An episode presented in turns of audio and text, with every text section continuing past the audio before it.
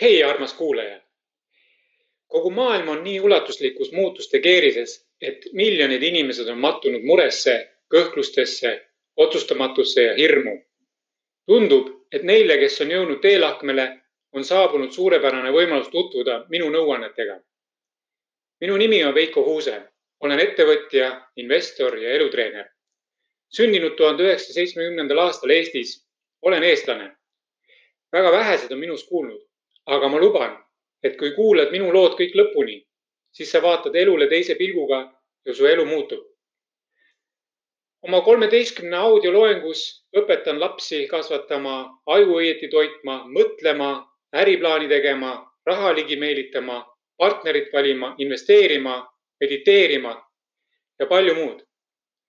ma olen väga kindel selles, et need loengud muudavad sinu elu täielikult Nendes loengutes räägin ma sellistest asjadest, mida väga vähesed koolitajad või treenerid räägivad. üks erinevus on juba see, et ma räägin väga lihtsas keeles ja ilma üleliigse jututa. ma räägin konkreetselt asjast. Need nõuanded on mind elus aidanud väga palju ja need on aidanud ka paljusid teisi edukaid inimesi. olen ise väga palju raamatuid lugenud, koolitustel ja seminaridel käinud. olen väga palju erinevate ettevõtete looja ja juht olnud olen väga paljudes riikides elanud, töötanud ja ettevõtteid juhtinud. mul on olnud ka erinevaid äritreenereid. ma olen teinud elus väga palju vigu ja ka väga palju on õnnestumisi olnud. ma tean, et minu kogemused ja teadmised on kasulikud paljudele. aga enne, kui sa hakkad neid lühiloenguid kuulama, sul oleks vaja saada teada, kes ma selline olen ja mis on minu miks oma elu esimesed kõige tähtsamad kaheksateist eluaastat möödusid Venemaa poolt okupeeritud Eestis. mina kasvasin üles maal väga tagasihoidlikutes tingimustes. lapsena mul eriti mänguaega ei olnud, pidin majapidamistöid tegema juba väikese lapsena ja oma ema aitama. mu ema ja isa lahutasid, kui olin pooleaastane. ma olen väga lihtne maainimene. Eestis puudus demokraatia, ei olnud võimalik suhelda välismaailmaga puudusid reisimise võimalused. sellel ajal ei olnud internetti, arvuteid, mobiiltelefone ega eraettevõtlust. kooliprogrammid olid sisutühjad ja toimus igapäevane pähetuupimine. juba kaheksa aastat läksin kolhoosi raha eest tööd tegema, kõplesin peedipõlde, korjasin kive põldudelt, raiusin kraavilist võsa, tegin igasuguseid põllutöid igal võimalikul vabal ajal ja koolivaheaegadel. ma pidin ise taskuraha teenima, sest ema taskuraha ei andnud ma elasin koolist mitme kilomeetri kaugusel ja aastaid pidin koolis jala käima, sest transport puudus.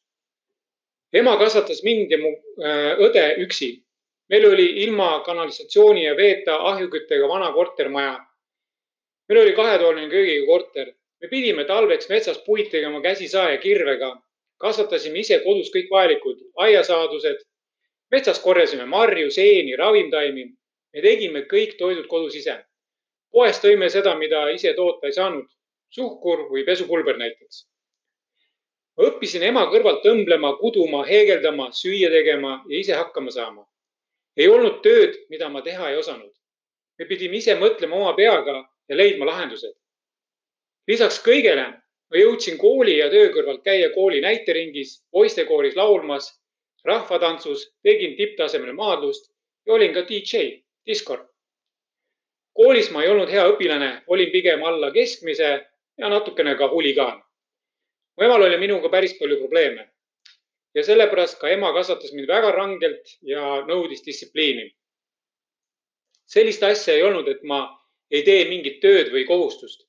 kõik, mis ema ütles, pidi tehtud olema. Neid töid oli palju, et mänguaega mul ei jäänudki. magama pidin minema kell üheksa õhtul ja hommikul kell kuus ülesse, et süüa ja jalakooli minna, et kaheksast koolis olla. minu noorusel oli koolis eh, kuuepäevane koolinädal. miks ma sellest kõigest räägin? sellepärast, et sa saaksid veidikenegi pildi ette minu lapsepõlvest ja võrdleksid seda tänase olukorraga maailmas ja Eesti riigis. ma ei jutusta sulle kogu oma eluseiklusi ja üleelamisi, neid on nii palju, et nendest saaksin ma kirjutada mitu raamatut. miks ma jagan oma õpetusi ja kogemusi? Sellepärast, et ma näen oma senises tegevuses, et inimesed vajavad just minu mõtteid ja minu kogemuste põhjal õpetusi. inimesed vajavad lihtsaid ja toimivaid õpetusi. mina hakkasin kümne aastaselt unistama miljonist dollarist ja ettevõtte omamisest, reisimisest, suurest õnnelikust perest. mulle ei andnud keegi mingit juhist sellisest mõtlemisest, et nii peab mõtlema, aga ma tegin seda ise. mulle ei meeldinud minu lapsepõlv, vaesus ja piiratud liikumine. ma tahtsin elu nautida ja reisida.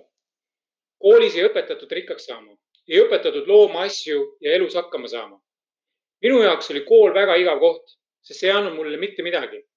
ma oskasin eluks vajalikke asju ise teha juba, et elus püsida tänu oma kodusele kasvatusele. koolis õpetati eksisteerima, mitte täisväärtuslikku külluslikku elu elama. ma abiellusin kahekümne aastaselt ja esimese ettevõtte tegin kahekümne ühe aastaselt. Eesti oli just Vene võimu alt uuesti vabaks saanud ja iseseisvuse taastanud. Kolisin maalt linna elama koos oma naise ja vastsündinud tütrega ma tegin otsuse ja võtsin vastutuse hakata iseseisvalt oma elu üles ehitama tundmatus maailmas, tundmatus linnas, ilma teadmiste, rahata ja sõpradeta. olin ainult mina, mu naine ja aastavanune tütar. hakkas elutsükkel, kus mu eesmärk oli saada miljonäriks ja palju reisida. ma sain miljonäriks kümne aastaga, sain palju reisida.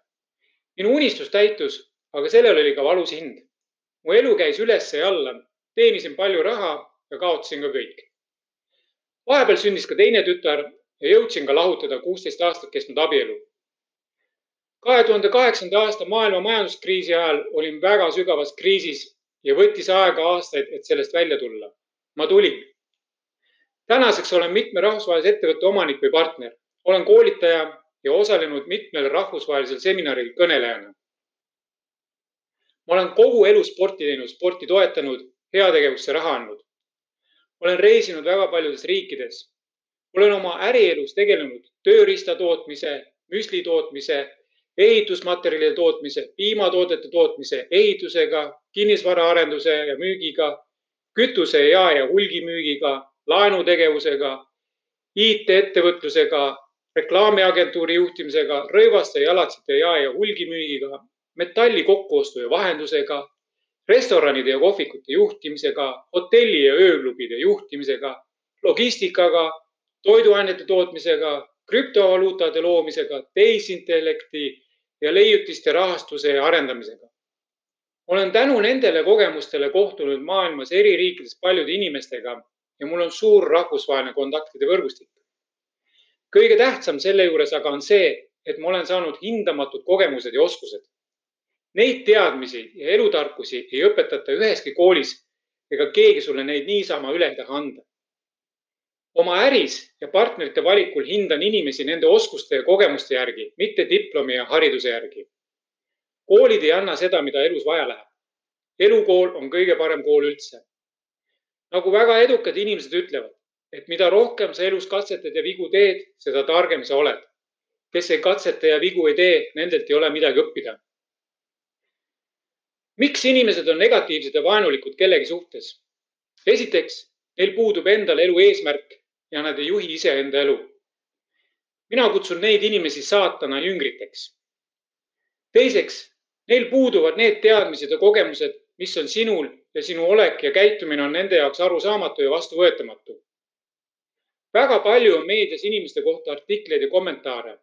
palju on anonüümseid vale nime all kirjutatud negatiivseid kommentaare ja artikleid kuidas te teate, et ülevaated ja arvustused teistes meediakanalites on isegi tõelised? pange tähele, et arvustusi ei saada mitte inimesed, kes ostsid sinult midagi, vaid need, kes seda ei teinud. pange tähele, et inimesed, kes ei, kirjutavad halbu ülevaateid, pole teistest isikutest edukamad. pidage meeles, et kes iganes üritab teid alandada, on teie all suur osa maailma elanikkonnast kannatab oma hirmude ja enesekindluse puudumise ja otsustamatuse all. Nad ei ole edukad ja õnnelikud. ja just nende hulgas on palju vaenu ja negatiivsust.